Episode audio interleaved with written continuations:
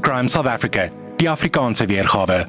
'n Oorspronklike jackpot potgooi gebaseer op Nicole Engelbregt se gewilde True Crime South Africa reeks. Die opinies in die potgooi reflekteer nie noodwendig die van Jack Rand FM nie. Die Griquastad familiemoorde. Op Vrydag die 6de April 2012 het dit stil geraak op die plaas Nouhoek, 8 km buite Griquastad. Die familie wat daar gebly het, het nie meer gesels nie. Die TV het aanhou blaker, maar die wat oomblikke gelede nog gekyk het, was nou dood. Die rekenaarskerm het nog geflikker, maar die persoon wat dit gebruik het, het daar naby gelê en ook nie meer asem gehaal nie. Hierdie is True Crime South Africa, die Afrikaanse weergawe. Ek is Gerda de Souza en jy luister na die storie oor die Griquastad moorde. Net voor 7 die aand kom 'n wit Isuzu bakkie skreeuend tot stilstand voor die Griquastad polisiestasie. Adjutant-offisiere Anthony Wilt en Klaas Rooi het gestaan en kyk hoe die stof rondom die bakkie gaan lê. Die deur gaan oop en 'n jong man klim uit.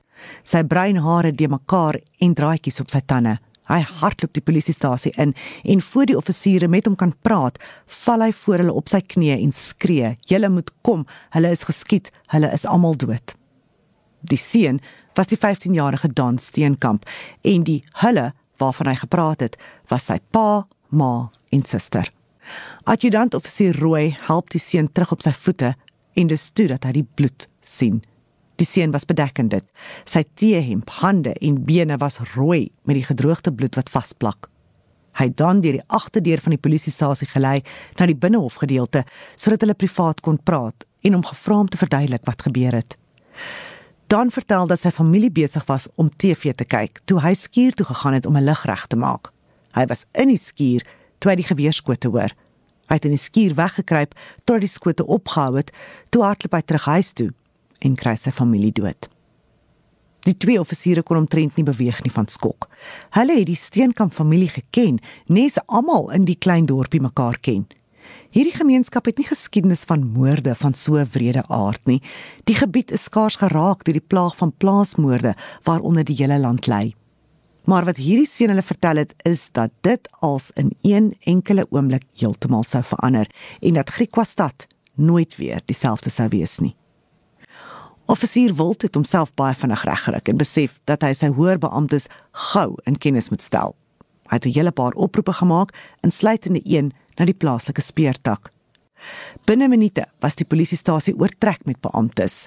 Hulle moes so gou moontlik by Nouhoek uitkom en die toneel afsper, asook seker maak dat al die slagoffers wel oorlede is. In hulle haas om by die plaas uit te kom, het hulle die hoofooggetuie op sy eie gelos aan die sorg van twee adjutant-offisiere. Dan Steenkamp wou saam met die polisie terugplaas toe, maar hy is beveel om agter te bly. Die hoof van die Noord-Kaapse georganiseerde misdaadeenheid het by die Griquastad polisiestasie aangekom kort nadat die hele groep beamptes daar weg is. Kolonel Dick de Waal was nie daardie aand aan diens nie, maar sy vrou, wat die rang van generaal in die SAPS gehad het, was die een wat die oproep gekry het van Griquastad polisiestasie af. Die offisier wat daardie naweek aan diens was, kon nie bereik word nie, so te vat te Waal die saak. De Waal is 'n baie goed gerespekteerde offisier met 30 jaar diens agter hom. En as jy in gedagte neem hoe ingewikkeld hierdie saak binnekort sou raak, kon dit baie anders uitgedraai het as 'n offisier met minder ondervinding in beheer was van die saak. De Waal was ook uiters kundig oor die Noord-Kaap area, die misdaad wat gewoonlik hier plaasgevind het en hoe hierdie misdaad gewoonlik voorgekom het. Hierdie ondervinding sou binnekort baie belangrik word.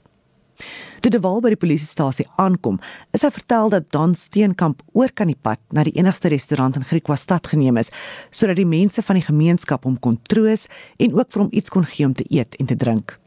Het die adjutant-offisiere gevra of hulle sy verklaring afgeneem het en of hulle enige fisiese bewyse van hom afgekry het. Roy het beskryf hoe baie bloed op Dan Steenkamp se hande, hemp en bene was, maar het gesê dat hulle instruksie gegee is om geen bewyse of fotos te neem nie. Die waal is oor die pad na die restaurant toe waar hy in 'n muur van die Steenkamp gesin se uitgebreide familie vasgeloop het wat almal baie bekommerd was dat dan deur verdere trauma gesit sou word, sou hy onmiddellik deur die polisie ondervra word. Dit het 'n bietjie oortuiging gekos, maar uiteindelik het die familie ingestem dat Don saam met De Waal na die polisiekantoor toe kon gaan. Toe die seun opstaan, het De Waal onmiddellik agtergekom dat die kind homself op 'n stadium skoon gemaak het.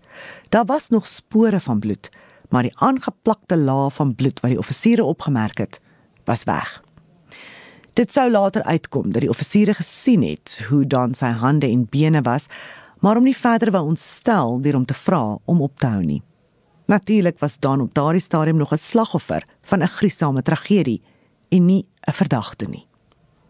De Waal het fisiese bewyse van Don afgevat, insluitende monsters van die bloed op hom en skrapsels van onder sy naels. 'n Krapmerk op sy nek is ook afgeneem. Die hemp wat hy gedra het toe hy by die polisiestasie aangekom het, is buite in een van die bosse opgetel. De Waal het vir Don gevra hoekom hy so haastig was om skoon te maak. Don het geantwoord dat sy suster in sy arms oorlede is en dat haar bloed hom bedek het.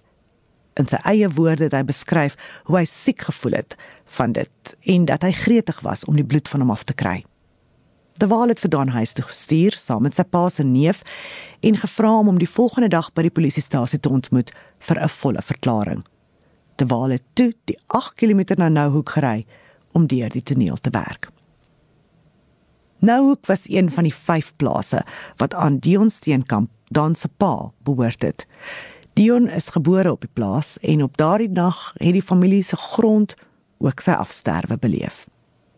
Die Steenkamps het hoofsaaklik met skape geboer, alhoewel hulle ook beeste en 'n paar perde aangehou het. Die Steenkamps het in die hoofhuis gebly en daar was 'n skuur daar naby en nader aan die pad het die plaaswerkers in hulle eie huise gebly. Die eerste beampte op die toneel daardie nag, inspekteur Mofokeng, was die hoof van die speders in die area. Hy het die huis ingegaan om die slagoffers te ondersoek en te verseker dat hulle dood is. Daar gaan hy die huis deur om seker te maak dat daar geen meer verdagtes was nie en toe gaan wag hy buite vir die forensiese spanne. Die inwoners van Griekwastad was saam met die meeste van die boerderygemeenskap uiters veiligheidsbewus. In die laaste dekade of so in Suid-Afrika het boere en mense wat in verafgeleë gebiede woon teikens geword vir wrede en opportunistiese rooftogte wat gewoonlik in moord geëindig het. Die afgeleë aard van die gebiede het dit vir die misdadigers makliker gemaak om te kon vlug sonder dat hulle gevang sou word. En alhoewel die motief strek van roof tot wraak deur vorige werkers, het al hierdie misdade nou onder die kategorie van plaasmoorde en plaasaanvalle geval. Dit het daartoe gelei dat boere hulle eie sekuriteitstaakmagte gestig het wat gewoonlik uit vrywilligers van uit die gemeenskap bestaan het, 'n tipe van hoogs militante buurtwag. Alhoewel Griekwastad nog nie sulke aanvalle in hulle omgewing ervaar het nie, het die gemeenskap homself opgevoed en voorberei vir so 'n gebeurtenis.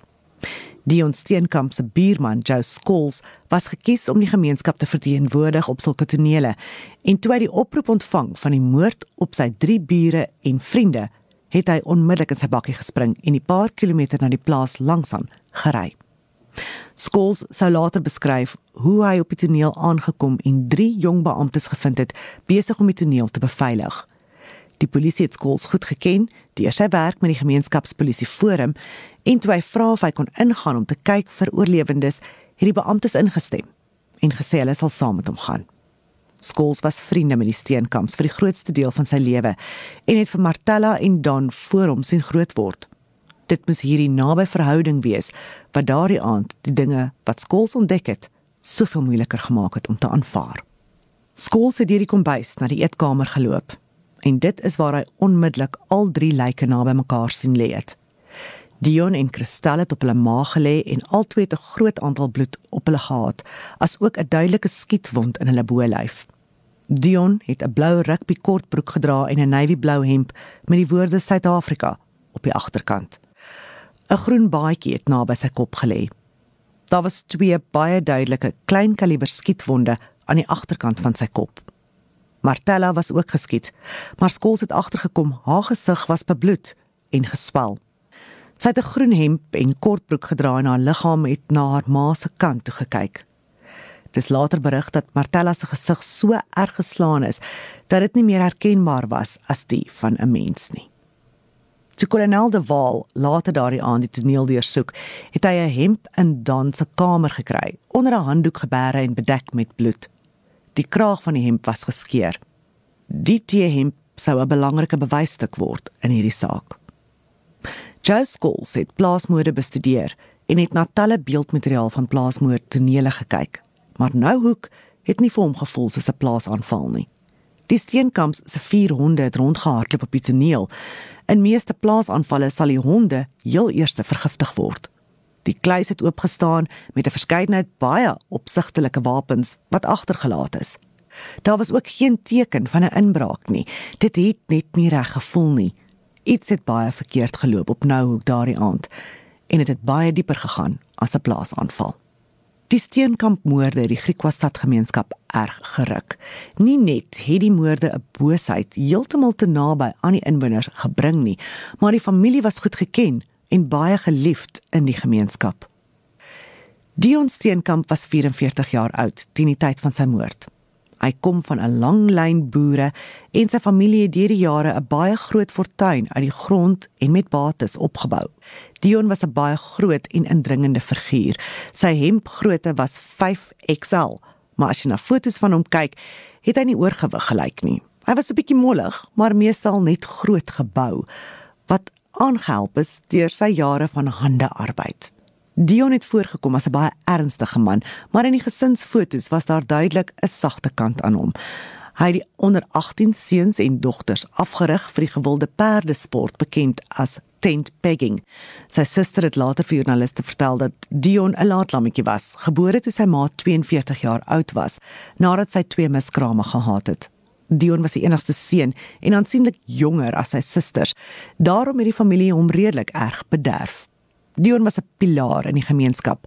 Hy was 'n diaken in die kerk, hy het gedien op die kerk se finansiële komitee en was deel van die plaaslike boereunie. Hy was 'n uitstekende student in sy jeug en selfs hoofseun. Dion se vrou Christel was 43 jaar oud teen die tyd van haar moord. Sy is beskryf as 'n hardwerkende persoon wat altyd baie projekte aan die gang gehad het. Sy was ook 'n liefdevolle ma en die foto's het gewys dat sy duidelik baie toegewyd was aan haar man. Sy het 'n baie aktiewe rol in haar kerk gespeel en 'n koekiebak en verspreidingsbesigheid begin net maande voor haar dood, wat baie goed gedoen het. Sy was ook 'n uitstekende tuinmaker. Christel het ook verseker dat haar kinders se sukses met perdry ook in die media was deur middel van haar vryskut werk by die plaaslike koerant, die Volksblad. Christel se suster het beskryf hoe Christel en Dion altyd verseker het dat hulle kinders soveel naweke as moontlik huis toe kon kom van die koshuis af. Hulle skole was altoe in Bloemfontein, sowat 330 km van Griekwastad af, wat beteken dat hulle omtrent 12 ure 'n week spandeer het om hulle kinders heen en weer te ry. Dion se suster het later die gerugte dat Christel van haar man afhanklik was vir geld, die hok ingeslaan deur te sê dat sy goed gedoen het in haar eie reg. So geld was nooit 'n probleem tussen die twee nie. Martella was 14 jaar oud toe sy vermoor is. Sy was 'n asemrowend beeldskone meisie maar haar foto's het nie 'n oomblik se arrogansie gewys nie. Sy het baie gemaklik gelyk in haar eie vel en haar glimlag was altyd welkomend. Martella was in daardie stadium tussen jong meisie en vrou word. In haar helder geel skooluniform was sy die beeld van onskuld en wanneer sy in gewone klere was, kon jy die jong dame sien waarin sy besig was om te ontvou. Sy is beskryf as 'n baie gewilde meisie met 'n sprankelend en uitspattige persoonlikheid. Martella was die goue kind. Sy was aantreklik, intelligent en baie vriendelik. Alles waaraan sy geraak het, het 'n sukses geword. Martella se tannie het gegrap dat die meisie altyd 'n perfeksionis wou wees wanneer sy groot word, totdat sy uitgevind het dat jy nie betaal word om een te wees nie. Maar die algemeen was die familie baie gerespekteerd en niemand het enige vreemde gedrag opgemerk nie. Dion se suster het vir 'n joernalis vertel dat sy haar broer beny het vir sy familie wat so gelukkig en liefdevol voorgekom het. Beide Martella en Don het hierdie week in 'n koshuis gebly wat normaal was vir kinders in die boerderygemeenskap. Hulle het gewoonlik oor naweke en vakansies huis toe gekom. As jy in ag neem hoe welaf die familie was, is dit nogal verbasend om na die foto's te kyk en te sien hoe nederig die huis gemeubileerd was. Die struktuur self is eenvoudig en funksioneel. Die sitkamer waar Christel en Martella se lyke gekry is, het bestaan uit banke en rietstoele wat nie bymekaar gepas het nie. Ten spyte van hulle rykdom, was die familie plat op die aarde mense. Dion se suster het die familie as baie ontspanne beskryf en gesê hulle het daarvan gehou om grappe te maak en mekaar te terg. As ouers het sy vir Dion en Christel as streng maar regverdig beskryf. Hulle het wel soms hulle kinders bederf, maar nooit buitensporig nie. Die polisie het die toneel tot dagbreek ondersoek en honde uitgestuur om te soek na moontlike verdagtes. Op Saterdag, die 7de April 2012, het Suid-Afrika wakker geword met die nuus van die verskriklike familiemoord. amper onmiddellik het die publiek die nuus gekoppel aan plaasmoorde. Dit was die maklikste gevolgtrekking en natuurlik het dit ook die politieke motivering gepas van baie mense wat geglo het dat die 'n rasgemotiveerde gruwelmoord op 'n wit familie was. Dalk sou dit makliker wees om dit te aanvaar as die verskriklike waarheid wat bekend sou word. Vroeg daardie oggend het kolonel De Waal vir Dan by die polisiestasie ontmoet, waarna hy na 'n hospitaal geneem is om deur 'n dokter ondersoek te word en al sy wonde aangeteken is. Na dit het De Waal vir Dan nou hoek toe gevat sodat hy sy weergawe van die gebeurtenisse die vorige aand kon uitwys. De Waal het later onthou hoe die rit saam met Dan gevul was met geselskap. Hy het gespog hoe vinnig hy sy pa se motor die vorige dag gery het en toe skielik uit die bloute vir die beampte gevra wat hy moet doen om sy ouers se eiendom te kon erf. Dan se uitgebreide familie het baie gou 'n prokureur aangestel om na die seun se wetlike behoeftes om te sien. In sy ouers se testament het hulle 'n afgetrede skoolhoof en buurman, Paul Botha, aangestel as die wettige voog van hulle kinders in geval van hulle albei se dood. Dan Steenkamp het nie 'n enkele nag in Botha se sorg spandeer nie. Hy het geweier om op te tree as Dan se voog en gesê dat hy gevoel het dat as gevolg van die aard van die omstandighede hy 'n onreg teenoor sy familie sou pleeg deur die seun in sy huis in te bring. Dan se perde afrigter, Benny Hekroot, het uiteindelik voogskap oor die minderjarige aanvaar alhoewel almal wat vir Dion geken het, dit baie vreemd gevind het omdat die twee glad nie naby aan mekaar was toe Dion nog gelewe het nie. 'n Polisiewoordvoerder het in 'n persverklaring gesê dat die polisie nie op daardie stadium op soek was na enige verdagtes nie. Hulle was besig om bewyse wat op die toneel gevind is en ooggetuies se bekendtenisse te hersien. Hierdie aankondiging het 'n groot bohaai onder die media en die publiek veroorsaak omdat daar skielik 'n moontlikheid was dat die sogenaamde plaasmoord nie noodwendig 'n ware plaasmoord was nie. Ongegronde gerugte het rond te begin doen dat Dion sy vrou en dogter vermoor het voordat hy die geweer op homself gerig het. Daar was selfs gerugte dat Martella betrokke was in satanistiese aktiwiteite en dat dit die rede was agter die moorde veral omdat die moorde oor die Paasnaweek plaasgevind het wat baie geglo het 'n uiters belangrike tydperk was vir sataniese opofferings. Natuurlik was al die spekulasie sonder enige bewyse. Joernaliste het baie frustreerd geraak met hierdie saak omdat elke stukkie bewys en elke beweging wat die polisie gemaak het, goed dopgehou is. Op die Saterdagmiddag na die moorde het die gemeenskap van Griekwastad by Nouhoek bymekaar gekom om te help om die steenkamps se huis skoon te maak. Die polisie het hulle insameling van bewyse afgehandel en toestemming is aan vriende en familie van die steenkamps gegee om die toneel skoon te kry en die huis op te ruim. Joe Scholes het die groen baadjie wat naby Dion se lijk was binne die huis gekry. Die polisie het blykbaar nie rede gesien om die baadjie as bewysstuk te vat nie en Scholes het dit verbrand. Die nadoetse ondersoek het in die week na die moorde plaasgevind wees asseblief gewaarsku dat die inligting wat nou gaan volg wel moeilik mag wees om na te luister. Dit is egter belangrik om in te sluit omdat die uitslae van die nadoetse ondersoek verwys na die motief of metode agter die misdaad. As jy voel hierdie is te erg vir jou, stel ek voor jy skakel 'n paar sekondes vorentoe verby hierdie afdeling. Die staatspatoloog het die gevolgtrekking gemaak dat al drie slagoffers met beide 'n .22 jaggeweer en 'n .357 Magnum revolver geskiet is. Christel is twee keer geskiet, een keer in die rug en een keer aan die agterkant van haar kop. Martella is vier keer geskiet, twee keer in die bors en twee keer in haar gesig. Die borswonde was eerste en die patoloog het vasgestel dat sy vinnig sou doodbloei na hierdie wonde. Sy is moontlik na haar dood in haar gesig geskiet omdat daar min bloed rondom hierdie wonde was wat aandui dat die hart klaar opgehou klop het teen die tyd vir die patrone haar liggaam ingedring het. Martella was ook erg aangerand. Die patoloog het geglo dat hierdie wonde deur die handvatsel van 'n revolver gemaak is terwyl sy nog gelewe het en waarskynlik as gevolg van 'n bekleierery met haar aanvaller. Die mees skokkende bevinding van die nadoetse ondersoek was dat Martella kort voor haar dood seksueel aangerand is. Inteendeel, daar is bevind dat die nuwe wonde ook ouer seksuele wonde wat reeds genees het, weer heropen het. Martella is verkrag en meer as een keer.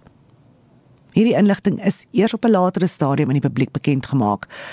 Maar hierdie was die oomblik wat ondersoekers skielik 'n moontlike motief vir die misdaad kon sien. Die rede hoekom dit belangrik was om die bevindinge van die nadoetse ondersoek te deel, was dat behalwe vir die seksuele element daar 'n duidelike verskil was tussen die manier waarop die slagoffer aangeval is.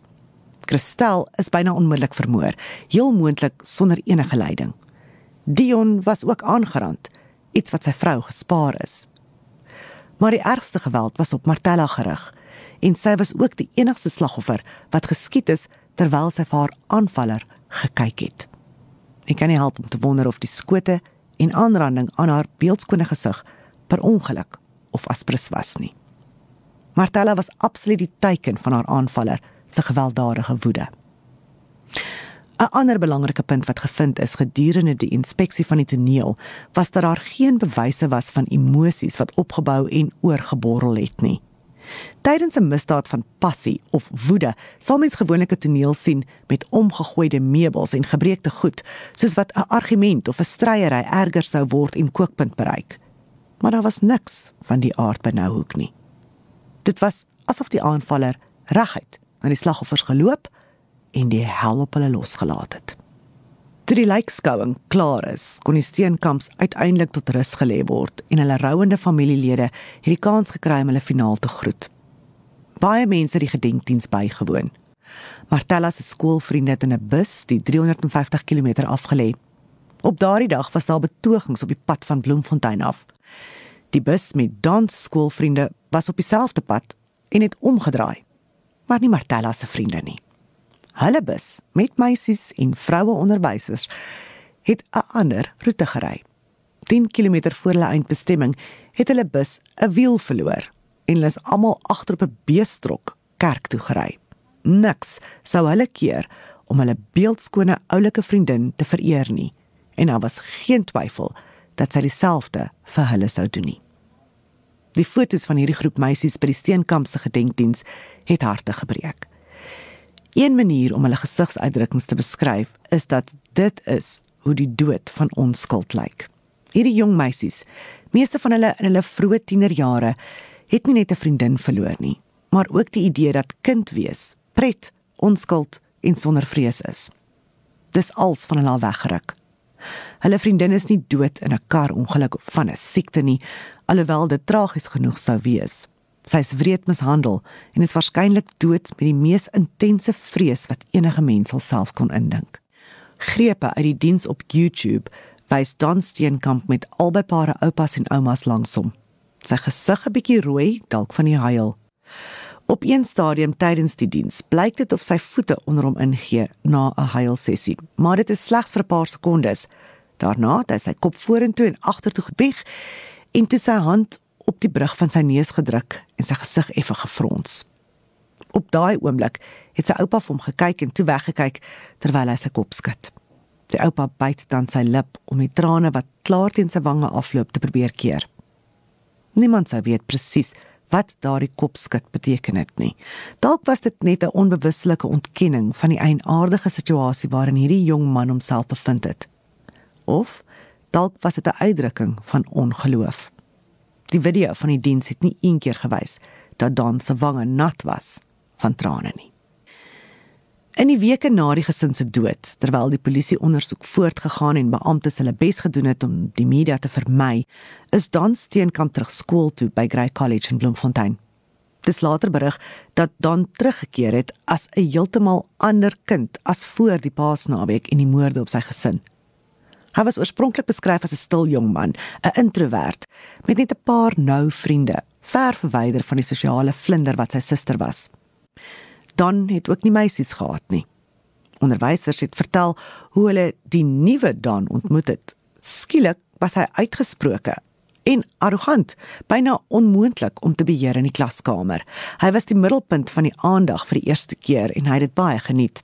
Meisies het om hom geswerm en hy was amper onherkenbaar van die seun wat hy was voor sy gesin se dood. Die onderwysers was voorberei om hom te beskerm, te versorg en dit vir hom makliker te maak sou hy sukkel. Maar hulle was heeltemal onvoorbereid vir die gespoggery van die brawe Dan Steenkamp wat voor hulle gestaan het. Hy het ook daarop aangedring om voort te gaan met sy perdry kompetisies en hy het duidelik gemaak dat hy sou deelneem op die rug van sy vermoorde suster se perd. Die media het vertel hoe Don gestaan en pronk het vir fotos. Don Steenkamp het by Benny Hekroot bly woon ten spyte daarvan dat sy familie hom verwelkom het om by enige van hulle te gaan bly. Satanis het gesê dit was sy keuse om te kies waar hy wou bly. Hy het eenvoudig goed opgepak en by Hekroot ingetrek. Soos die ondersoek meer inligting na vore gebring en die harde realiteit van wat werklik gebeur het aan die lig gekom het, was die familie verlig vir die afstand tussen hulle en Don. Die polisie was in geen haas om enige inligting aan die publiek openbaar te maak nie en het aangedring dat hulle nie 'n verdagte kon uitwys of die motief bekend kon maak nie. Maar joernaliste wat betroubare inligting bekom het, soos Jacques Steenkamp, het van beter geweet. Jacques was baie naby aan die saak van die eerste dag af en het klaar sy persoonlike verdagte in gedagte gehad maar het geweet die polisie sal nie maklik sy identiteit kon aankondig nie. Amptelike verklaringe het gesê dat hulle wag op die uitslae van die ballistiese toetse voordat finale afleidings gemaak sou kon word. En so is die gemeenskap van Griekwastad en die res van Suid-Afrika gelos om te wag vir die antwoord op die raaisel. Wie het die steenkamps vermoor? Natuurlik het baie vingers klaar gewys na die enigste oorlewende van die bloedige slagting. Gerugte het rondtes begin doen dat Don aangeneem is en dat hy dit uitgevind het op die aand van die moorde. Don Steenkamp was definitief die biologiese seun van beide Dion en Christel. Partymense het begin wonder of die polisie eenvoudig net nie genoeg bewyse gehad het om hom aan te kla nie. Hy was tog toegelaat om homself te was, wat nie net bewyse van die bloed weggespoel het nie, maar ook enige geweerskoot oorskot. Die ouers van die ander kinders in die skool saam met Don was nie daarmee tevrede dat hulle 'n koshuiskamer met hom moes deel nie. Grey College het soveel klagtes van ouers af ontvang dat hulle uiteindelik vir Don moes vra om die skool te verlaat om te voorkom dat die skool moontlik soveel as die helfte van hulle leerders kon verloor. Benny Hekroot en Don se familie het ewig gereageer en daarop aangedring dat Don nie soos 'n skuldige misdadiger behandel moet word as hy nie eers 'n amptelike verdagte was nie. Die skool het hulle self in 'n baie moeilike situasie bevind en uiteindelik ingegee en dan terug toegelaat. Dis nie bekend of enige iemand die moeite gedoen het om vir Don te vra wat hy wou hê nie. Daar was gerugte dat hy vir verskeie mense sou sê dat hy nie meer by Grey College was skool gaan nie, omdat sy klasmaats hom gespot en geboelie het en selfs baie lelike stories oor hom versprei het. Na maande van wag vir die voltooiing van die polisie ondersoek en toenemende bespiegeling oor die stand van die saak en die kwaliteit en aard van die ondersoek, het die polisie uiteindelik in Augustus 2012 'n dossier ingehandig by die kantoor van die direkteur van openbare vervolgings. Dit is die direkteur se verantwoordelikheid om die bewyse op te weeg en dan te bepaal of dit genoeg is vir 'n inhegtenisneming. Dit was die maand waarin Dan Steenkamp ook 16 jaar oud geword het. Op die 21ste Augustus is hy uit sy klaskamer by Grey College geroep. Soos wat hy in die hoof se kantoor ingeloop het, is hy geboei en deur kolonel De Waal in hegtenis geneem. Terwyl dit plaasgevind het, het polisiebeamptes ook op presies dieselfde tyd 'n lasbrief uitgereik en uitgevoer en dan se slaapkamer by die Hekroothuis deursoek. Dan was aanvanklik in skok oor sy skielike arrestasie, maar het vinnig weer kalm geword. Hy het die polisie begelei deur die skool tot by sy koshuiskamer met skares van sy skoolmaats wat op daardie stadium gesit het vir middagete. En toe vir 'n tweede keer weer verby die skoolkinders en die personeel van die koshuis af na te Wal se motor toe. Party mense het gevoel dat die hoofondersoekbeampte dit spesifiek so beplan het om dan vas te trek tydens middagete, moontlik sodat hy as die verdagte van die begin af onder die meeste druk moontlik was. So 'n uiterste situasie kon selfs die mees geharde van kriminele laat knak, soveel te meer 'n 16-jarige. Maar nie hierdie seun nie. Hy het deur die skare geloop met 'n gesigsuitdrukking so gehard dat dit net sowel van klip gemaak kon wees. Dan het nie gesweet of gefrons nie. Die emosies het later deurgekom, maar steeds was dit nie kommer of trane nie. De Waal onthou hoe die berig oor danse en hegtenisneming oor die radio ingekom het terwyl hulle gery het. De Waal het dan in sy triespeeltjie dopgehou en hy was geskok toe hy sien hoe 'n glimlag oor Dan se gesig kruip toe hy sy naam oor die radio hoor. Hierdie saak is op 'n baie ander wyse hanteer as ander sake omdat die hoofverdagte 'n minderjarige was. Dan Steenkamp is deur die Wet op Kinderregte beskerm en sy identiteit kon nie onthul word tot tyd en wyl hy 18 is nie. Dit het gelei tot 'n belaglike retoriek onder die publiek gedurende die hofsaak. Mense het geweet dat die enigste oorlewende van die Steenkamp bloedbad die 16-jarige Dan Steenkamp was. Hulle het ook geweet dat hy in die openbare oog 'n verdagte was van die begin af. Maar die media is deur die wet verhoed om hom by die naam te noem. Daar mag nie eers na hom verwys kon word as 'n minderjarige nie. Slegs die beskuldigde. Dit maak absolute sin dat so 'n wet wel streng toegepas moet word om minderjariges die maksimum moontlike beskerming te bied. Maar in die saak het selfs die regter verskeie kere uitgewys dat dit eenvoudig te laat was om sy identiteit te beskerm. Die staat is verteenwoordig deur advokaat Kloete, op daardie stadium een van die bestes in die land. Dit het gelyk soos 'n goeie teken vir die staat dat Kloete op die saak gewerk het waar De Waal die ondersoekbeampte was Die span het nooit van tevore 'n saak verloor nie. Dan Steenkamp was aangekla op drie klagtes van moord met voorbedagte rade. Met sulke ernstige aanklagtes het sy verdedigingsspan 'n groot taak voor hulle gehad om te verseker hy kry borg. Sy ondersteuner, Benny Hekroot, het tydens die borgaansoek getuig. Ons regspan het ook 'n privaat maatskaplike werker aangestel om te getuig oor Dan se gemoedstoestand. Ongelukkig vir die verdediging is dit tydens die borgverhoor uitgewys dat die sogenaamde privaat maatskaplike werker familie was van Hekroot wat ernstige twyfel op die maatskaplike werker se getuienis gevel het. Dit het ook aan die lig gekom dat Dan se prokureur hom 6 weke na sy gesin se moord al ingelig het dat hy 'n verdagte was. Dit het as skok gekom vir almal wat teenwoordig was, omdat dit beteken het dat ten spyte van die polisie se voortdurende beweringe dat hulle nog nie 'n verdagte uitgeken het nie, hulle nog al die pad die ondersoek gedryf het met Don in gedagte. Dit ook beteken dat Don vir 'n baie lang tyd geweet het dat hy die hoofverdagte was, ten spyte daarvan dat sy ligsinnige en arrogante gedrag dit definitief nie gewys het nie. Vir joernaliste het bewys hoe desperaat die polisie was om geheimsinnigheid in hierdie saak te verseker. Die staatsadvokaat Kloete het die hof vertel dat as die beskuldigde op borg vrygelaat word, hy nie die veiligheid van die mense rondom hom sou kon verseker nie. Die verdediging se hele argument vir borg was gebou op sy behoefte om sy opvoeding te bevorder. Hulle het Grey College as 'n gesogte instituut van opvoeding gebruik as 'n rede hoekom die beskuldigde vrygelaat moes word sodat hy sy skoolloopbaan kon voortsit. Terwyl Dan oorspronklik in aanhouding was, het dit voorgekom asof hy spesiale voorregte geniet het. Spesifieke lede van die Griekwastad gemeenskap het gekla dat as hulle in hegtenis geneem is, is hulle deur die strate geparadeer terwyl Dan in die hof ingesmokkel was om te keer dat fotos van hom geneem kon word. Daar was ook berigte dat sy familie toegelaat is om vir hom kussings en komberse asook wegneem etes te vat omdat hy nie die tronk se kos kon eet nie. Die borgverhoor het landwyd opslag gemaak en daar was baie belangstelling omdat dit die eerste keer sou wees wat die staat hulle bewyse teen die beskuldigdes sou bekend maak. Deur die hele borgsaak het dan nie baie ongelukkig of bekommerd gelyk nie. Hy het dit alles stip gekyk sonder veel emosie en het so nou en dan 'n grappie gemaak met sy regspan en sy ondersteuners. Die borgverhoor het 2 dae lank geduur en die landros het 10 dae gevat om tot 'n besluit te kom. Dan is Borg toegestaan nadat sy ouderdom in ag geneem is en omdat hy wel sedert die mode toegang gehad het tot wapens, maar niemand gedreig het nie. Volgens die landros was Dan nie 'n gevaar vir die samelewing nie.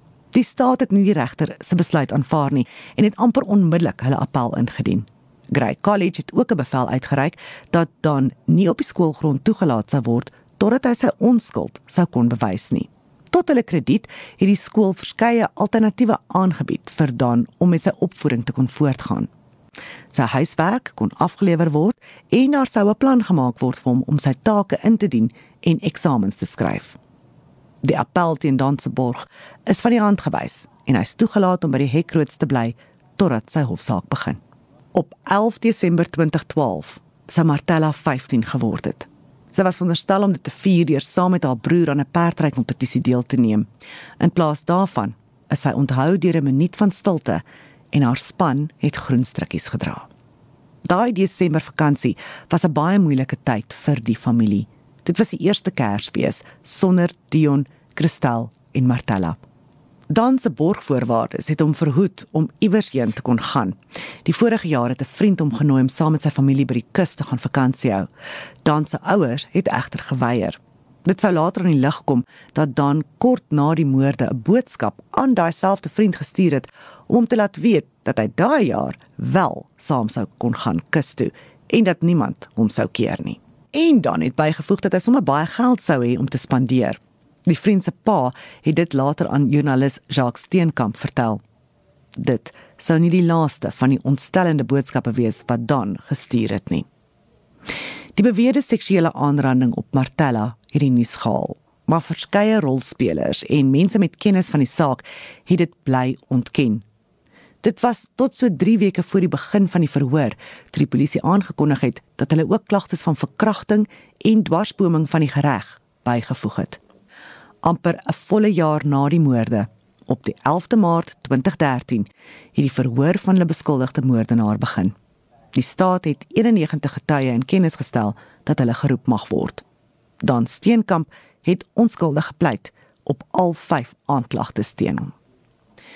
Vir die eerste keer in die Noord-Kaap is 'n rekenaarprogram genaamd Crime Scene Forensics tydens 'n verhoor gebruik. Die program gebruik 360 grade uitsigte van 'n misdaadtoneel en laat die operateur toe om te fokus op bewysstukke en 'n digitale deurloop te kry van die toneel. Dit was een van die eerste items wat as bewyse deur die staat verskaf is en sy die publiek die eerste blik gee van die misdaad toneel. Dan was kort na die moorde saam met die polisie op die toneel om verskeie plekke uit te wys wat sy weergawe van wat gebeur het sou staaf. Die eerste beeld in die virtuele toer was van hom wat uitgewys het waar hy beweer het hy die gewere naby die plaas gekry het op die aand van die moord. Volgens sy weergawe het die oortreders dit waarskynlik daar gelos met die doel om dit saam te vat, maar het dit vergeet of hulle was skrik gemaak en het nie genoeg tyd gehad om die vuurwapens te vat nie. Daar was net een stel binnebandspore in die gebied en dit was die van die bakkie wat dan bestuur het. Daar was ook geen voetspore nie en dit het daartoe gelei dat die polisie by Dan wou weet hoe hy die gewere opgetel het. Hy het beweer dat hy die motor langs die gewere gestop met een hand aan die stuurwiel vasgehou het en met die ander hand die gewere opgetel het sonder om 'n voet uit die bakkie te moet sit. Dit was 'n dubbelkajuit bakkie en alhoewel hy lank was, was dan nog nie 'n volgroeide volwasse man nie en is dit moeilik om te glo dat hierdie moontlik was as jy in ag neem hoe hoog die bakkie van die grond af gestaan het. Die gewere is ook in perfekte toestand gevind, sonder enige oorskot van skote wat afgevuur is of grys stof of gras. Daar was wel klein spore van liggaamsvloeistowwe en weefsel op die vuurwapens bespeer, wat wel vuilheid sou aantrek as die geweer op die grond gelos was, soos Don beweer het. Die virtuele toer het bloedspatsels op die buitemuur van die huis gewys. Dis vasgestel om spatsels vanuit are te moes wees wat waarskynlik daar beland het tydens 'n stryd.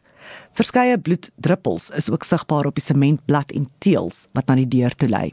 'n Koel gat is in die onderste helfte van die deur gekry en daar was bloed op die skaniere. Die familielede was gewaarsku dat grafiese beeldmateriaal en fotos gewys sou word, maar hulle het almal bly sit alhoewel Dion se ouers wel later uitgestap het. Binne in die huis was daar tekens van 'n normale dag in die lewe van 'n normale huisgesin. 'n Etenstafel met borde het gewys dat die familie aandete saam geëet het. Maar daai gevoel van samesyn is vinnig vernietig toe Dion Steenkamp se lijk gewys is. Aan die regterkant van sy kop was daar 'n groot bloedsmeersel wat aandui dat hy moontlik gesleep is terwyl hy klaar gebloei het of homself oor die vloer probeer trek het voordat hy aan die beserings beswyk het.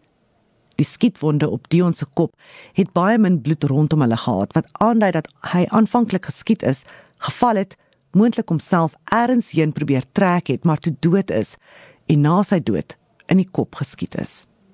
Die trots en gerespekteerde man van 140 kg wat 'n pilaar in sy gemeenskap was en wat sonder twyfel erg beskermend was oor sy familie, het die laaste van sy krag gebruik om te probeer wegkom van sy aanvaller af. Of het hy na iemand toe beweeg? Was een van die laaste dinge wat hy gesien het, sy vrou en dogter wat voor hom op die grond gelê het en in sy laaste oomblikke wou hy hulle lyke beskerm. Martella se liggaam is volgende gewys op die virtuele toer. Sy het op haar sy gelê met haar arm gebuig onder haar. Tydskrifte het rondom haar rond gelê. Grashalms het aan die agterkant van haar rem vasgesit. Dis later vasgestel dat sy vir 'n ruk buite sou gelê het na die eerste skoot en dis waar die grashalms vandaan gekom het. Dit is berig dat toe die beeldmateriaal van Martella gewys is, die hele hof doodstil geraak het baie trane in hulle oë gehad toe hulle hierdie klein meisie onherkenbaar vermoor gesien het. Dan het ook na die beeldmateriaal gekyk, maar hy het verveeld voorgekom en op 'n punt gesukkel om 'n gaap te keer. Kristel lê op haar maag naby Martella. Sy dra 'n blou hemp met 'n denim romp wat beide bedek is met bloed. Beeldmateriaal wys 'n telefoon wat van die mikkie af was naby Martella en Kristel se lyke. Dit was bedek in bloed. Die bloed op die foon was Martella se. Op 'n stadium tydens die aanval het sy vir hulp probeer bel. Dan was op verskeie geleenthede gevra hoekom hy daardie aand besluit het om die toneel te verlaat en polisiestasie toe te ry in plaas daarvan om vir hulp te bel in die hoop dat 'n ambulans betyds kon wees om sy gesin te red. Sy selfoon het daardie aand perfek gewerk. Hy het dit aanhoudend na die moorde gebruik. Die huis het 'n landlyn gehad en tog het hy niemand gebel nie. Sy antwoord was dat hy geweet het sy familie is dood en dat hy hulle nie kon red nie. Hy het beweer dat hy bang was dat die aanvallers steeds op die plaas was en dat hulle hom volgende sou teiken. Bewyse is voorgelê om te bevestig dat Dan Steenkamp se klere positief getoets het vir geweerskoot oorskot. Sy hande het negatief getoets, maar natuurlik was hy ongelukkig toegelaat om sy hande by die polisiestasie te was. Geweerskootoorskot, ook bekend as patroonontladings-residue, is 'n baie fyn materiaal wat agterbly wanneer 'n geweer afgevuur word.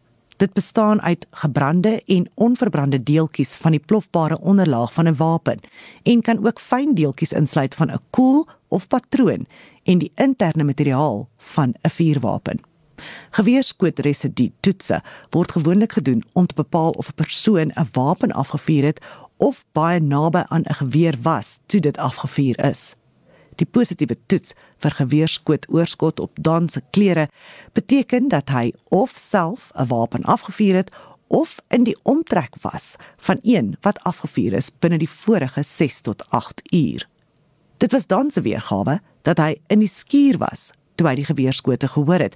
So tensy hy herken dat hy self die wapens afgevuur het, is die enigste ander moontlikheid dat hy sekondes na 'n wapen afgevuur is deur die huis geloop het. Dan se verduideliking was dat hy vroeër die dag meer katte op die plaas geskiet het.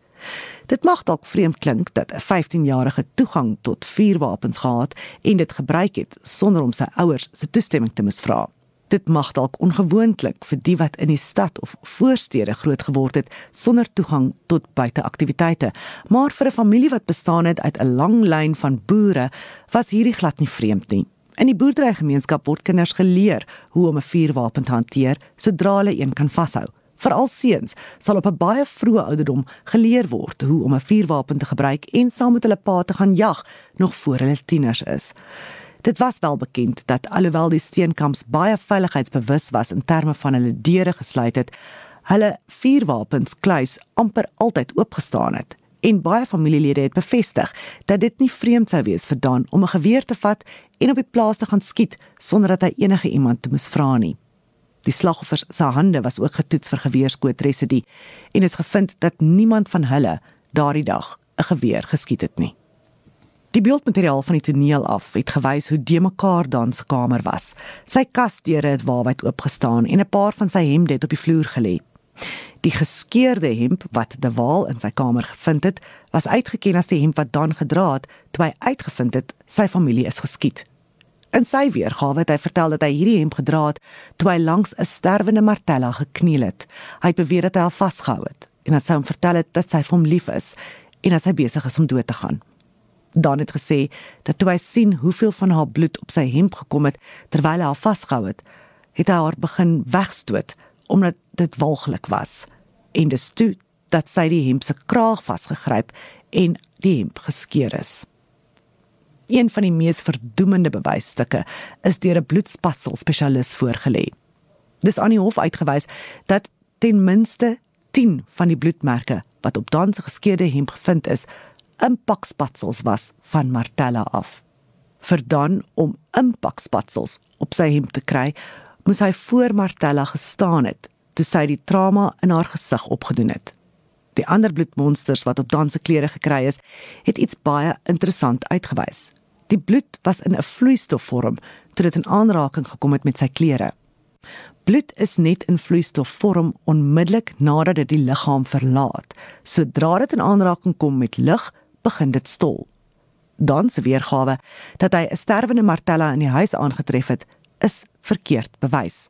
Hy was definitief teenwoordig toe die bloed haar liggaam verlaat het.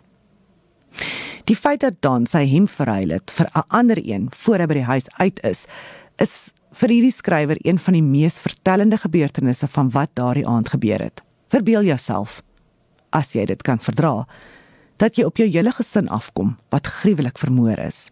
Jou suster sterf in jou arms en alhoewel jy jou hele lewe op 'n plaas spandeer het en sonder twyfel die slagting van diere gesien het en selfs ook gejag het, maak bloed jou skielik siek. Dan, na jou suster in jou arms sterf, bel jy nie vir hulp of vlug onmiddellik nie, maar jy gaan eers kamer toe en soek 'n spesifieke hemp om aan te trek. Hy het 'n ander hemp gaan aantrek dan se weergawe het nie by die tydlyn of bewyse ingepas nie. Hy het beweer dat hy sy familie omtrent kwart oor 6 lewendig gelos het om skuur toe te gaan en 'n lig reg te maak. Hy sê byna dadelik nadat hy die skuur ingeloop het, het hy geweerskote gehoor. Toe hy die eerste geweerskoot hoor, het hy dit nie abnormaal gevind nie, maar die res van die skote het hom bang gemaak en toe kruip hy weg. Toe die geweerskote ophou, het hy volgens hom huis toe gehardloop en daar sy familie dood en aan die sterwe gevind. Martella is dood in sy arms en hy het die plaas verlaat in die bakkie en net gestop om die plaaswerkers te vertel dat hulle van die plaas af moet afkom en toe het hy die vuurwapens by die hek gekry. Dan het voortdurend sy weergawe verander soos nuwe bewyse na vore gekom het. Toe hy gevra is hoekom hy net een ronde geweerskote gehoor het as die aanvallers die slagoffers met verskillende vuurwapens geskiet het, het hy sy storie verander en gesê hy het vergeet dat hy na die huis toe gehardloop het en toe weer skuur toe is en dis toe dat hy nog geweerskote gehoor en hy weer die huis ingehardloop het vir die tweede keer en dis daar waar Martella in sy arms oorlede is. Die rede hoekom dit onmoontlik was vir Don se weergawe om in te pas by die tydlyn is omdat sy ma om 34 minute oor 6 daardie aand vir haar suster 'n boodskap gestuur het waarvan Don nie bewus was nie. Hy het by die polisiestasie aangekom om 57 minute oor 6. Dit het 23 minute toegelaat vir sy weergawe om uit te speel. Insluitende minstens 10 minute se ry dorp toe. Dit laat 15 minute vir hom om in die skuur te wees, die eerste ronde geweerskote te hoor, binne toe te gaan weer skuur toe te gaan, die tweede ronde geweerskote te hoor, terug te keer huis toe, Martella in sy arms te laat sterf, na sy kamer toe te gaan, 'n ander hemp aan te trek, dan na die bakkie toe te hardloop, daarna moes hy nog hek toe ry vir die plaaswerkers skree en hulle waarsku, die gewere oplaai en dan kan hy dorp toe ry. Dit was redelik onmoontlik. Selfs die staatse weergawe van die gebeurtenisse het skaars by die tydlyn ingepas maar as jy in ag neem dat dit vooruit beplan was, is dit baie meer waarskynlik dat alles in net meer as 20 minute kon plaasvind. Die staat het bewys dat Martella binne die huis in haar bors geskiet is. toe ontsnap het na buite waar sy op die gras ineengestort het. Haar aanvaller het haar gevolg en 'n stryd het op die grasperk ontstaan waar dit geglo word Martella die wonde in haar gesig opgedoen het. 'n Baie groot plas bloed is buite op die gras gekry. Hierdie area was direk in sig van die venster van die skuur waar Don beweer het hy weggekruip het. Inteendeel, hy het beweer dat hy agter 'n werksbank weggekruip het waar hy direk kon afkyk op waar sy suster aangeval is. Maar tog het hy steeds aangedring dat hy niks gesien het nie. Die bloedspatsel bewyse het gewys dat Martella daarin kon slaag om terug in die huis te kom, of dit nou uit eie wil was en of sy tot daar getrek is, weet ons nie. 'n Ander baie hartseer openbaring was dat op een of ander stadium nadat sy aanvanklik beseer is, het Martella na haar ouers gaan kyk. Druppels van haar bloed is op hulle lyke gevind asof sy bo oor hulle gestaan het. In haar laaste oomblikke was hierdie jong meisie se gedagtes net vir die welstand van haar ouers. Mens kan eerwaarlik nie jouself indink wat deur haar gedagtes moes gaan toe sy agterkom hulle was albei reeds dood nie. In sterk kontras het Dan erken dat hy op geen stadium gekyk het of sy ouers lewendig is nie. Hy het nie gevoel vir 'n pols of enigsins aan hulle lyke gevat nie. Hy het nie eens hulle name geroep nie. Toe hy gevra is hoekom hy dit nie gedoen het nie, het hy net gesê dat hy kon sien hulle was klaar dood. So daar was geen punt nie. Dan se geskeurde hemp bly tot vandag toe 'n onopgeloste stuk van die raaisel. 'n Presiese namaaksel is in die hof ingebring en verskeie getuie is gevra om dit te probeer skeer. Selfs volwasse mans het gesukkel. Hierdie het die vraag laat ontstaan hoe Don kon sê dat Martella dit geskeer het in haar laaste oomblikke. As sy werklik die hemp geskeer het, moes dit wees kort na die aanval op haar, toe sy nog vol adrenalien was en om haar lewe geveg het definitief nie nadat sy baie bloed verloor het nie. Daar is talle gevalle reg rondom die wêreld van kinders wat vliegtuig en karongelukke en aardbewings oorleef het terwyl hulle ouers gesterf het. 'n Paar artikels verduidelik dat dit is omdat kinders meer fisies fiks is om mee te begin. Hulle is ook kleiner, so bloedverlies het nie so groot impak op hulle as wat dit op volwassenes het nie. Hulle harte is ook sterker en kan langer klop en meer weerstaan as die hart van 'n volwassene. Hierdie gekombineer met die vrystelling van adrenalien kan ook verduidelik hoekom Martella dit reg gekry het om 'n hemp te skeer wat 'n volwasse man gesukkel het om te doen onder normale omstandighede. Wanneer ons iets deurgaan wat die reaksie van vrees in ons vrystel, laat ons liggaam adrenalien vry wat dan werk om ons normale liggaamsfunksies te versterk sodat ons veg of vlugreaksie kan inskop. Ons hart klop vinniger, ons asemhaling word vinniger en daar is ekstra energie in ons spiere wat ons toelaat om dade te verrig wat ons nie onder normale omstandighede sou kon regkry nie. 'n Kar oplig is 10 teen 1 nie moontlik nie, maar die adrenalien wat deur Martella se lyf gepomp het, kon moontlik vir haar die krag gee om 'n teehem te skeer. Iets interessant is wanneer jy deur elektrisiteit geskok word en die skok jou 'n afstand van die bron afgooi, is dit nie die elektriese lading self wat jou laat trek nie, maar jou eie liggaam. As die elektriese energie deur jou spiere gaan, trek die spiere saam tot hulle volle potensiaal. En dit is eintlik die samentrekking van jou eie spiere wat jou wegtrek. Dis 'n aanduiding van die volle potensiaal van ons spiere as hulle tot die maksimum gestimuleer word. Soos mense geroep is om te getuig, is daar 'n prentjie geskets van Don in die dae na die moorde. Joe Scholes, die buurman wat die eerste persoon van die gemeenskap was op die toneel, het getuig dat Don hom 'n paar dae voor sy ouers se moorde vertel het dat hy nie meer by Grey College vir skool gaan nie. Die seun het gesê die enigste rede hoekom hy nog daar op skool was, is omdat dit goed was vir sy ma se aansien in die gemeenskap en dat hy veel eerder na 'n plaaslike skool toe sou wou gaan waar hy meer tyd kon spandeer om saam met sy pa te boer. Skols het vir Dan vertel dat hy dankbaar moes wees dat sy ouers dit kon bekostig om na so 'n gesogte skool te kon stuur. Henry Tritter van die Proviant restaurant oor kan die pad van die polisiestasie het dit bestuur en daardie nag vir Dan ingeneem om hom te troos en hom ook te getuig. Sy het vertel die een ding wat by haar gebly het is dat sy daardie aand volwasse mense onbeheerbaar gesien huil het. Maar dan het glad nie te ontsteld voorgekom nie. Trieter het ook vertel hoe Dan onmiddellik nadat hy gaan sit het, sy selfoon uitgehaal en begin boodskappe stuur en oproepe maak het. Hy het selfs vir Trieter gevra of sy dink dat hy al sy vriende moet laat weet of net sy beste vriende.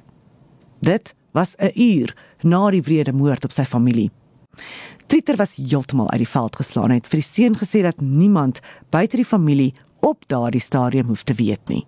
Sy het getuig dat sy nie geweet het wat om te sê of te doen om hom te troos nie en het op 'n stadium vir hom gesê daar's altyd 'n kans dat iemand oorleef het en dat hulle moet wag om te hoor wat die polisie sê.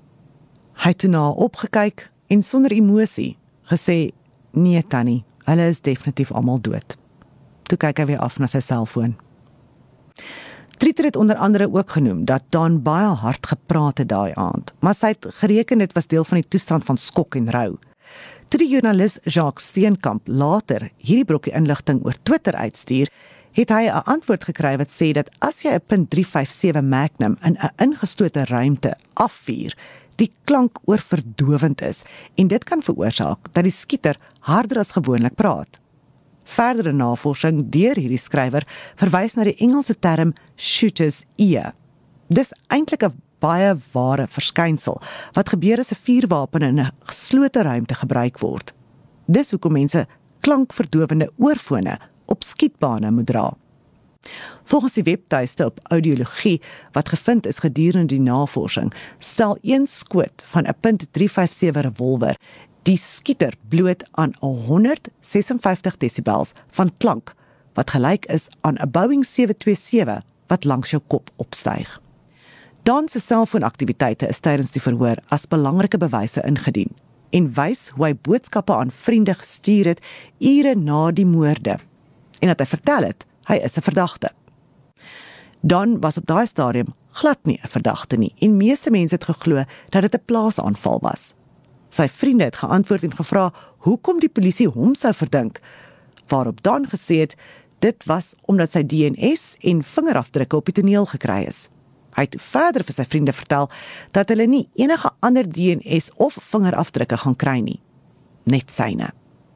Hoe kon die 15-jarige Dan geweet het dat die ondersoek geen ander verdagtes behalwe vir hom sou uitwys as die ondersoek toe nog nie eers mooi begin het nie? Die enigste manier hoe hy dit kon weet is as daar niemand anders daardie aand daar was nie. Dit was net Dan en sy drie slagoffers. 'n selfoonontleder het getuig dat hy die selfoonaktiwiteite van al die selfone op Nouhoek daardie dag ontleed het. Dit het gewys dat Dan 'n paar dae vroeër 'n vriend oorgenooi het om daardie nag te kom oorslaap, maar die vriend het op die laaste nippertjie gekanselleer met 'n boodskap wat hy op Dan se foon gelos het. Hy het 'n paar keer die aand oomblikke voor die moorde hierdie vriend in die hande probeer kry.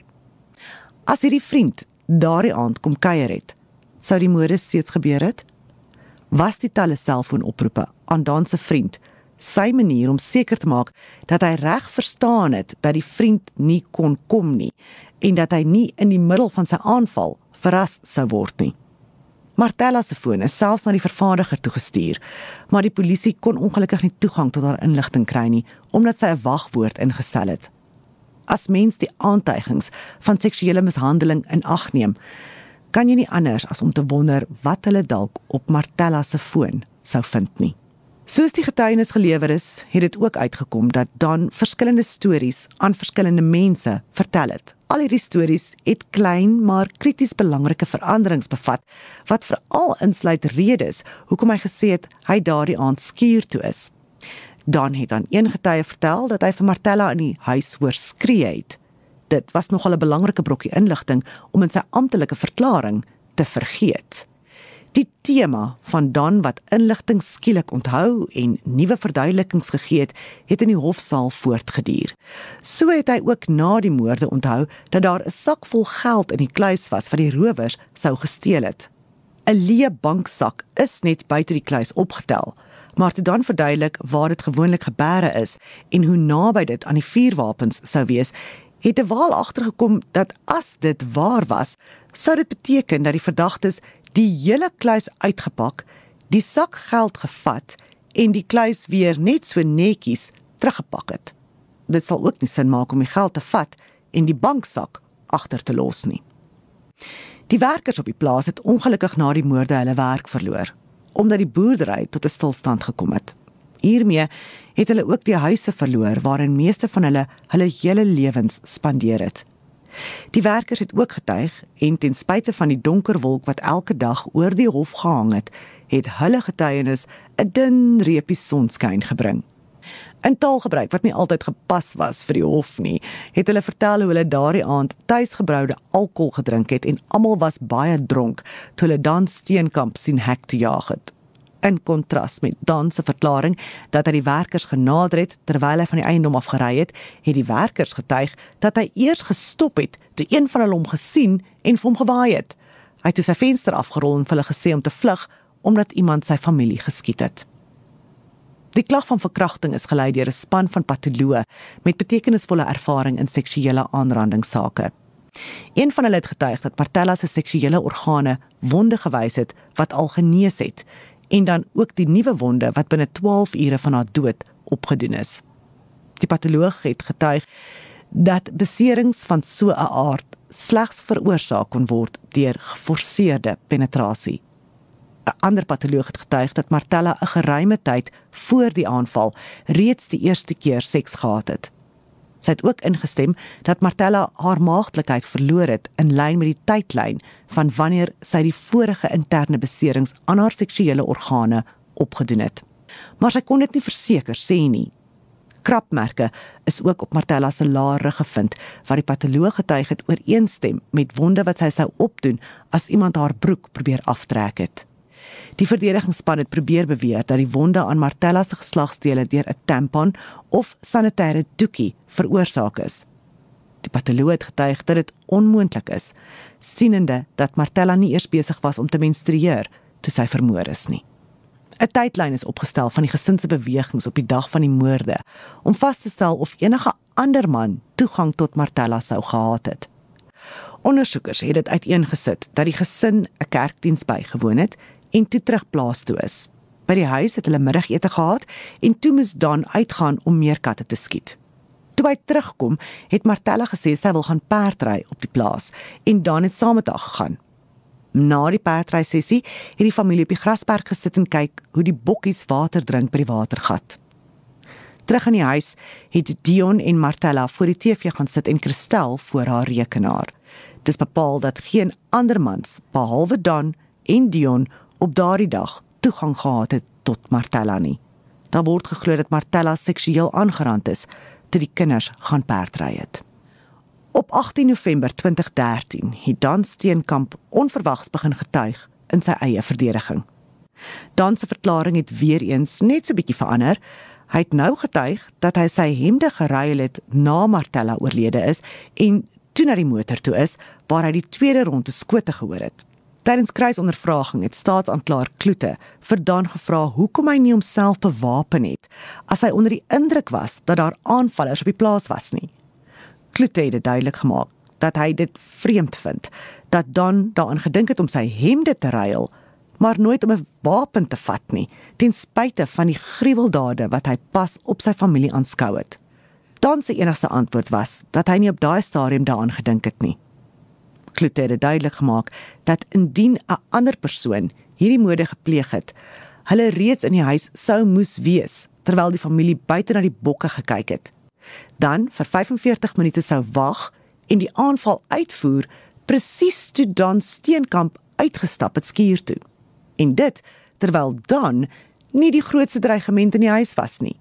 Dion het al 140 kg geweeg of die aanvaller moes op een of ander manier deur die sitkamer tot in die hoofslaapkamer kom sonder om deur enige iemand gesien te word wat nogal onmoontlik was as gevolg van die uitleg van die huis. Dan kon dit nie verduidelik nie. Ook nie hoekom die wrede aanvaller hom sonder 'n merk gelos het nie. Volgens sy weergawe was hy binne die huis tussen die twee rondes van skote wat sou aandui dat die beweerde aanvallers nog op die toneel was dan kon ook nie verduidelik hoekom hy nooit aangeval en sy lewe gespaar is nie. Kloete het elke deel van die seun se verklaring uitmekaar gerafel totdat dan sy enigste opsie was om die blame te lê voor die deur van sy verdedigingsspan. Hy het beweer dat hy hulle vertel het van die verskillende weergawe en hulle eenvoudig niks daaromtrent gedoen het nie. Op die vraag hoekom hy so baie bloed op hom gehad het, as hy volgens sy weergawe glad nie aan Dion of Christel en skaars aan sy suster geraak het, het hy net emosieloos na Kloete gestaar. Kloete het toe 'n vraag gevra wat geklink het of dit uit nêrens uitkom nie. Hy het vir Dan gevra om te verduidelik hoe sy eie bloed op sy kortbroek opgeëindig het. Die seun in sy regspan was heeltemal onkant gevang. Dan het weer eens gesê hy weet nie en Kloete het voorgestel dat dit gebeur het tydens die gestoeiery met Martella. Net dalk het sy so hard vir haar eie lewe beklei dat sy 'n hou op sy neus ingekry het wat veroorsaak het dat dit bloei. Dit was die enigste aanvaarbare verduideliking. En dan het nie 'n alternatiewe verduideliking kon gee nie. Toe Kloete die verkrachtingssaak aanraak, het hy verdaan gevra oor 'n argument wat hy en Martella blykbaar op die dag van die moorde sou gehad het. Dan kon nie onthou waaroor hulle gestry het nie. Kloete het dit toe aan Dan gestel dat as Martella deur 'n vreemdeling verkragt was, sy dadelik iemand daarvan sou vertel. Maar indien sy deur iemand verkragt is, deur iemand wat sy geken het, sy skaam sou voel en bang sou wees om daaroor uit te praat. Kloete het vir Dan gesê hy glo hulle stryery was oor die verkrachting en die feit dat Martella haar pa wou vertel. Hy het vir Dan gesê: "Jy het vir Martella verkrag." En toe haar en beide haar ouers vermoor om die waarheid weg te steek. Dan het doodstil gesit en Kloete aangestaar. Hy het nie geantwoord nie. Dan se hele verklaring het oorgeloop van arrogansie. Hy duidelik niks van Kloete gehou nie en dit gewys. Wanneer die seun nie besig was om sy storie te verander nie, het hy gesê dat hy nie weet nie of nie kan onthou nie. In hulle slotargument het die verdediging twee skokkende beweringe gemaak. Hulle het gesin speel dat Dion sy eie dogter kon verkrag het en dat Don en Martella albei ingestem het tot die seksuele dade. Dit was heeltemal ongegronde beweringe wat deur geen bewyse gesteun is nie. Die regter het die verdedigingsspan oor die kole gehaal hieroor en hulle het geantwoord dat hulle so gedoen het op instruksie van hulle kliënt. Die volgende dag het Dan Steenkamp sy hele regspan afgedank. Reg deur die hofverrigtinge was daar gerugte dat die familie gevoel het dat hulle die verdedigingsspan te veel betaal het en die span het opsetlik dit gedoen om soveel moontlik uit die trustfonds te maak wat die regspan befonds het. Die saak is uitgestel terwyl Dan se nuwe regspan hulle voete gekry en die saak ingegrawe het. Toe die hofverrigtinge in Maart 2014 voortgaan, het Dan se nuwe regspan die saak probeer heropen en beweer dat hulle 'n nuwe patoloog het wat sal getuig dat die wonde op Martella se geslagsdele veroorsaak kon word nadat sy haarself gekrap of 'n infeksie opgedoen het. Die staat het baie vinnig hierdie teorie uitmekaar getrek deur te wys dat Martella se naels baie kort was en dat dit onmoontlik sou wees vir haar om haarself so seer te maak en dat die lijkskouing gewys het dat daar geen teken van infeksie was nie. Die regter het geweier om die saak te heropen en bevind dat die beskuldigde meer as genoeg regsverteenwoordiging gehad het en dat niks van die sogenaamde nuwe bewyse in die hof sal kan staan nie. Die regter het dan Steenkamp skuldig bevind op 3 aanklagte van moord, 1 klag van verkrachting en 1 klag van dwarsboming van die gereg. 2 dae voor sy 18de verjaarsdag is dan gefonnis tot 'n totaal van 76 jaar tronkstraf. Die vonnis sal egter gelyktydig uitgedien word, wat beteken dat hy slegs 20 jaar in die tronk sal spandeer. In Suid-Afrika mag 'n minderjarige onder die ouderdom van 16 nie gefonnis word tot meer as 20 jaar tronkstraf nie, ongeag die erns van die misdaad. Dan was 15 jaar en 8 maande oud toe hy die moorde gepleeg het. Kort nadat hy skuldig bevind is, het Dan se regspan aangekondig dat hulle appel sal indien. Die laaste artikel oor die appel was in 2015 en daar's geen verdere inligting aanlyn oor die uitkoms daarvan nie. In 2017 het Dan se oorspronklike regspan Benny Hekroot hof toe gesleep vir uitstaande regsfooie. Ook in die saak is daar geen verdere inligting oor die uitkoms nie. Van die bewyse wat ingesamel is, is dit wat ondersoekers geglo het op daardie dag gebeur het. Die Steenkamp gesin het daai oggend kerk toe gegaan en na dit weer teruggekeer nou hoek toe. Die familie het middagete geniet en Martella het besluit om te gaan perdry en dan het saamgegaan. Terwyl hulle op hierdie perdrit was, het Don Martella verkrag. Dit was ook nie die eerste keer nie. En Martella het beloof dat sy hulle ouers gaan vertel. Hulle het stry gekry en is terug plaas toe waar die spanning verder opgebou het. Die gesin het 'n rukkie buite gesit en is toe weer die huis in. Dion en Martella het op die bank gesit en TV kyk. En Christel het voor die rekenaar gaan sit. Dan het besluit dat hy nie die kans kon vat dat sy suster hulle ouers sal vertel van die verkrachting nie en dat hy sy ouers moes vermoor. Hy sou erf en nie meer aan enige iemand anders hoef te rapporteer nie. Hy het opgestaan en na sy ouers se slaapkamer toe gegaan waar hy die .357 revolver uit die kluis gehaal het.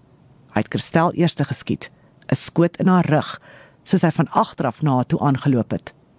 Splinters van die houtstoel waarop sy gesit het, is in haar rug gekry. Toe hulle hierdie sien, het Dion en Martella van die bank af opgespring. Dan het Martella een keer geskiet. Dion het op Dan afgestorm wat toe twee skote op sy pa afgevuur het. Dion het oor die vloer gegly en in mekaar gestort. Martella het buite toe gehardloop en dan het haar gevolg terwyl 'n skoot in haar rigting afgeskiet is. Daar was 'n fisiese bekleierery tussen die twee buite op die gras waar tydens Martella erg aangerand is. Dan het haar daar gelos en is weer terug die huis in om sy pa oor die kop te slaan met die geweer. Daarna is dan slaapkamer toe om die .22 jaggeweer te gaan haal. Toe hy terugstap die kamer in, kry hy Martella wat dit reg gekry het om van buite af terug te kom in sitkamer toe en daar in mekaar gestort het. Voor sy vir hulp kon bel. Het toe 'n skoot met die jaggeweer in elkeen van sy slagoffers se kop geskiet. 'n Ander hemp aangetrek en die toneel gevlug na die bakkie toe. Die Griekwastad mode het Suid-Afrika geskit. Nie net is 'n familie deur een van hulle eie vermoor nie, maar die misdadiger was 'n minderjarige wat sy eie suster verkrag het. Dit gaan nie verstand te bowe. Gesinsmode van hierdie aard is wat bekend staan as 'n swart swaan gebeurtenis. Dit verwys na 'n tyd toe mense geglo het swart swane bestaan nie of was uiters skaars. Bronwyn Stollis het in die Profile Africa episode van hierdie saak vertel dat sy deur 'n Amerikaanse kollega wat sy geraadpleeg het rakende hierdie saak gesê is dat sy heel moontlik nooit weer in haar loopbaan so 'n saak sal teekom nie maar intedeel het sy in haar 5 jaar by die Suid-Afrikaanse Polisie Diens aan 3 sulke sake gewerk. Ouermoord is die moord van beide ouers en daar's gewoonlik 3 motiewe hiervoor. Die oortreder word mishandel en sien moord as die enigste weg uit. Of die oortreder is sielsiek en glo dat hulle ouers hulle probeer vermoor. Of Die oortreder kan antisosiale gedragsmotiewe toon waar die moorde vir persoonlike gewin is, gewoonlik 'n erfborsie. In dan se geval is die laaste rede die grootste deel van sy motief. Hy het baie keer gesê dat hy nie meer wou skool toe gaan nie en eerder wou boer. Hy het gereeld beskryf hoe hy die plase sou verander wanneer hy in beheer is en sou belê in petrolstasies. Sy ouers het baie nederig gelewe ten spyte van die klein fortuin wat hulle opgebou het en dit het moontlik nie vir dan sin gemaak nie. Sy onmiddellike belang om sy erfporsie te kry, het dit verder bevestig. Bloedmoord is die moord van 'n broer of suster en is uiters rar, so rar dat daar baie min inligting hieroor is. Dit is hierdie skrywer se opinie dat Don obsessief was oor Martella. Sy was almal se idee van perfeksie en was alles wat hy moeilik gevind het om uit te leef. Verkrachting gaan oor mag en nie oor seks nie. En enige iemand wat dink dat Don eenvoudig net voordeel getrek het uit Martella se teenwoordigheid omdat hy 'n hormonale tiener was, is erg mislei. As hy haar verkrag het, was dit omdat hy haar wou beheer. Daar kan ook 'n baie ander donkerder kant aan seksuele aanranding wees. Een wat dan ook 10 teen 1 nie ten volle verstaan nie. Tydens die voorvonnis verhoor het Dan Martella beskryf as die mooiste meisie wat hy ooit geken het. Hy het self van haar goedjies uit haar kamer gevat om as herinnering by hom te hou. Hy mag dalk gedink het dat hierdie 'n manier was om mense te laat glo dat hy nooit iemand wat so kosbaar was vir hom sou beseer nie. Maar dit kan ons moontlik ook als vertel wat ons sou wou weet van die verhouding met sy suster.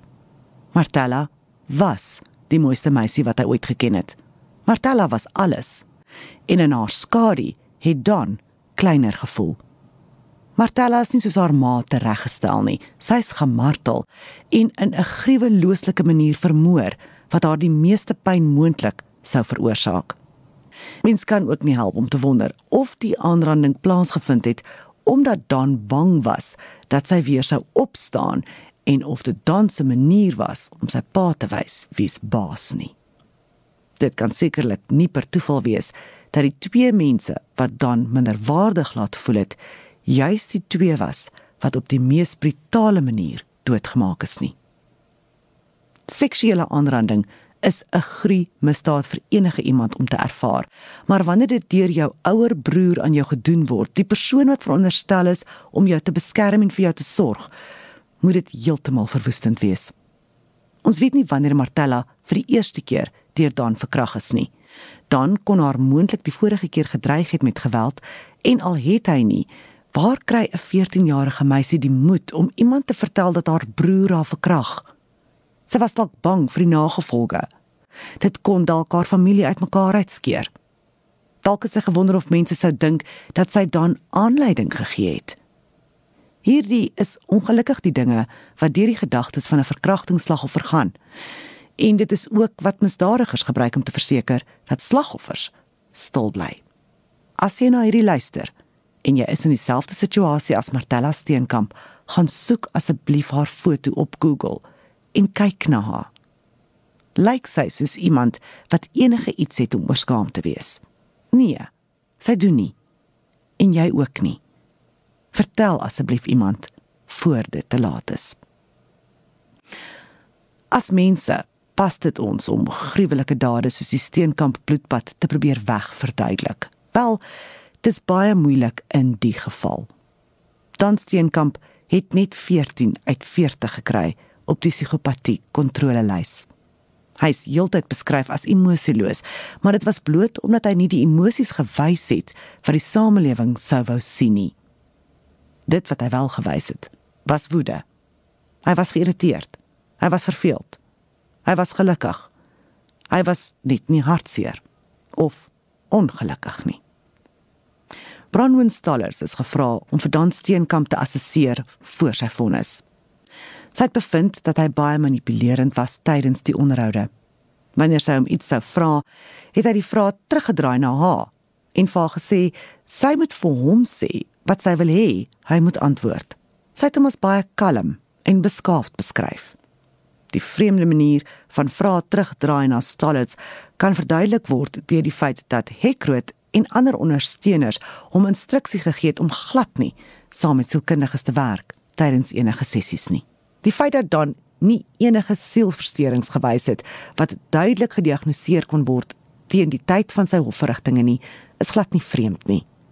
As 'n minderjarige was hy steeds besig om geestelik te groei en meeste ernstige sielversteurings kan eers in die vroeë 20's gediagnoseer word. Dit is daarom ongelooflik belangrik dat hy aanhoudend onder waarneming gehou word voor sy vrylating. Bronwyn Stalles sê dat die probleem met hierdie tipe jeugoortreders is dat hulle oor die algemeen goed gemanierde kinders is. So hulle gedrag en aanhouding is nie altyd 'n goeie aanwyser ten opsigte van hulle geskiktheid om vrygelaat te word nie. Dan se seksuele oortredings is een van die mees kommerwekkende aspekte omdat dit ongelooflik moeilik is om seksuele oortreders ten volle te rehabiliteer, veral as hulle die misdaad op so 'n jong ouderdom gepleeg het. Stallers het bevind dat Dan se belange in seks abnormaal was toe sy foonrekords na sy inhegtenisneming nagegaan is. Daar's bevind dat hy in die maande na die moorde pornografie gekyk het. Natuurlik is dit alleenlik nie abnormaal of buitengewoon nie, maar Stallers het verduidelik dat mens gewoonlik 'n vermindering in seksuele opwekking sien tydens aansienlike spanning, maar dit het nie gelyk of Dan op dieselfde wyse geraak is nie. Dis eenvoudig onmoontlik om jouself in die skoene in te dink van Don se uitgebreide familie, vir al sy tannies en oupas en oumas aan beide kante. Drie geliefde familielede is vermoor. Een is verkrag en die persoon wat dit aan hulle gedoen het, is jou eie vlees en bloed. Dis maklik vir ons om te sê dat ons nie so iemand sal ondersteun nie en alle bande sal sny. Maar dit is baie meer ingewikkeld. En daardie mense is al in so baie rigtings getrek dat hulle net kan doen wat vir hulle op daardie stadium reg voel. Aan die een kant is die persoon 'n moordenaar en 'n verkragter. Aan die ander kant is hy jou broerskind of kleinkind. En wat sou sy ouers verkies het? Daar's baie min ouers wat hulle kinders sal onterf en afskryf nadat hulle 'n misdaad gepleeg het. Hulle is steeds jou kinders. Dalk het dan se oumas en oupas veral so gevoel. In 'n manier vereer hulle die herinneringe van Dion en Christel deur vir Dan te ondersteun waar hulle kon. Daar was twee duidelike groepe rondom Dan gedurende die ondersoek en die hofsaak. Een het bestaan uit vurige ondersteuners soos Hekroot en 'n paar ander wat tot hierdie dag toe ten spyte van al die bewyse glo dat Dan onskuldig is. Die ander groep het meestal bestaan uit familielede wat nie wou sien dat hy seer kry nie en gewillig was om te help om vir hom die beste verdediging te kry, maar nie wou glo dat hy onskuldig was nie. Een van die ons se susters het met 'n joernalis gepraat oor haar gevoelens teenoor Dan en die misdaad. Sy het beskryf hoe geskok sy was toe sy die foto's van die misdaadtoneel sien, maar opgemerk het hoe Dan net daar gesit het en 'n kook gedrink het terwyl hy na die foto's gekyk het asof dit vakansiefoto's was. Sy het ook uitgewys dat Dan 'n fotoalbum vol van bewyse by sy prokureur gekry het en gesit en daardeur geblaai het. Daar was absoluut geen rede vir hom om dit te doen nie. Dan se tannie het dit ook vreemd gevind dat hy elke dag ure lank na fotos van sy brutaal vermoorde familielede kon sit en kyk. En dan sou kon uitloop om middagete te gaan eet. Die vrou onthou hoe daarna gevra het of sy ooit sy ouers sien huil het. Want volgens hom het hy nooit sy pa sien huil nie. En daarom kon hy nie verstaan hoekom almal so 'n groot bohaai maak oor hom wat nie huil nie. Hy het maar net probeer doen wat volgens hom reg was. Sy het vir Dan vertel dat sy sy pa verskeie kere sien hy het, selfs toe hy dieselfde ouderdom as Dan was. Sy het gevoel haar broerskind is nou 'n vreemdeling. Dan se oupa aan sy pa se kant het tydens die hofsaak gesterf aan 'n beroerte. Hy was 80 jaar oud en was sieklik selfs voor die moord op sy seun, skoondogter en kleindogter. Dion en Kristal se boedel was 23 miljoen rand werd en sy outomaties aan Don uitbetaal. Maar omdat Don in die hof was vir die moord op sy eie familie, kon hy nie sy erfporsie kry nie. Daar is ook 'n wet in Suid-Afrika wat lei die bloedige hand kan nie erf nie. In ander woorde, jy kan nie voordeel trek uit die boedel van 'n persoon wie jy volgens die reg vermoor het nie. Die steenkamps het egter 'n wettige manier rondom hierdie wet gevind. Die geld in Dion en Christel se boedel het na Dion se ouers toe gegaan in die geval waar Dan nie kon erf nie. So Dan se oupa het 'n trust oopgemaak en die erfporsie daarin betaal. Die geld is as 'n donasie geskenk en nie 'n erfporsie nie. Dan Steenkamp kan op die ouderdom van 28 vrygelaat word en dan gaan hy toegang hê tot meer as 23 miljoen rand. Dis nie duidelik gemaak of die plase almal verkoop is nie, maar dalk is hierdie keuse gemaak sodat die plase in die Steenkamp familie gehou kan word. Dan was die enigste manlike kleinkind met die Steenkamp naam. So hierdie sou dalk 'n ou man se laaste poging wees om sy bloedlyn op Nouhoek te hou. Dis baie belangrik vir families in die boerderygemeenskap. So alhoewel nie almal daarmee sal saamstem nie, moet dit aanvaar word dat sulke familietradisies wel bestaan. Dan se ouma aan sy pa se kant het dalk die familie se gevoelens die beste opgesom in 'n brief wat sy geskryf het en wat tydens Dan se vonnisverhoor voorgeles is. Dis getiteld Die trane is my eie. Die volgende is 'n uittreksel uit die brief. Die hartseer van die 6de April het alles verander. Hoe moeilik is dit steeds om oor daardie dag te praat. Die nuus van die dood van my seun skoondogter en kleindogter sal altyd die slegste nuus wees wat ek ooit ontvang het. Ons harte is gebroke en hulle plekke daarin sal vir altyd leeg bly. As ek al die bewyse in ag neem wat ek die afgelope week van verskeie kenners en getuies afgehoor het, kan ek nie anders as om te besef dat die moorde deur my geliefde kleinseun gepleeg is nie. Wat sekerlik lei aan 'n karaktertekort. In Jacques Steenkamp se boek eindig hy met die volgende aangrypende woorde. Die ergste deel is dat Dan Steenkamp, die Griekwastad-moordenaar, sal kwalifiseer vir parol nadat hy slegs 50% van sy vonnis uitgedien het. Wat beteken dat hy weer in die samelewing toegelaat kan word voor sy 28ste verjaarsdag. Hy sal vry wees en direk by die naaste bank instap waar sy ouers se multimiljoen rand erfporsie vir hom wag. Ek is seker of geregtigheid in die geval bereik is nie. Al wat ek weet is dat ek beloof om hom te volg vir die waarheid, want eendag wil ek hom die woorde hoor sê: Ek het my familie vermoor. Dankie dat jy geluister het na True Crime South Africa, die Afrikaanse weergawe. Hierdie was die ware misdaadverhaal oor die Griekwastad-moorde. True Crime South Africa, die Afrikaanse weergawe, is 'n oorspronklike jackpot potgooi. Die ware misdaadverhaal is nagevors en geskryf deur Nicole Engelbrecht vir haar gewilde True Crime South Africa reeks. Dit word aangebied deur Jackran FM se Gada de Souza. Luister na nog oorspronklike potgooi reekse en nuwe episode by jackranfm.com. Klik op jackpot of kry dit by jou gunsteling potgooi toepassing.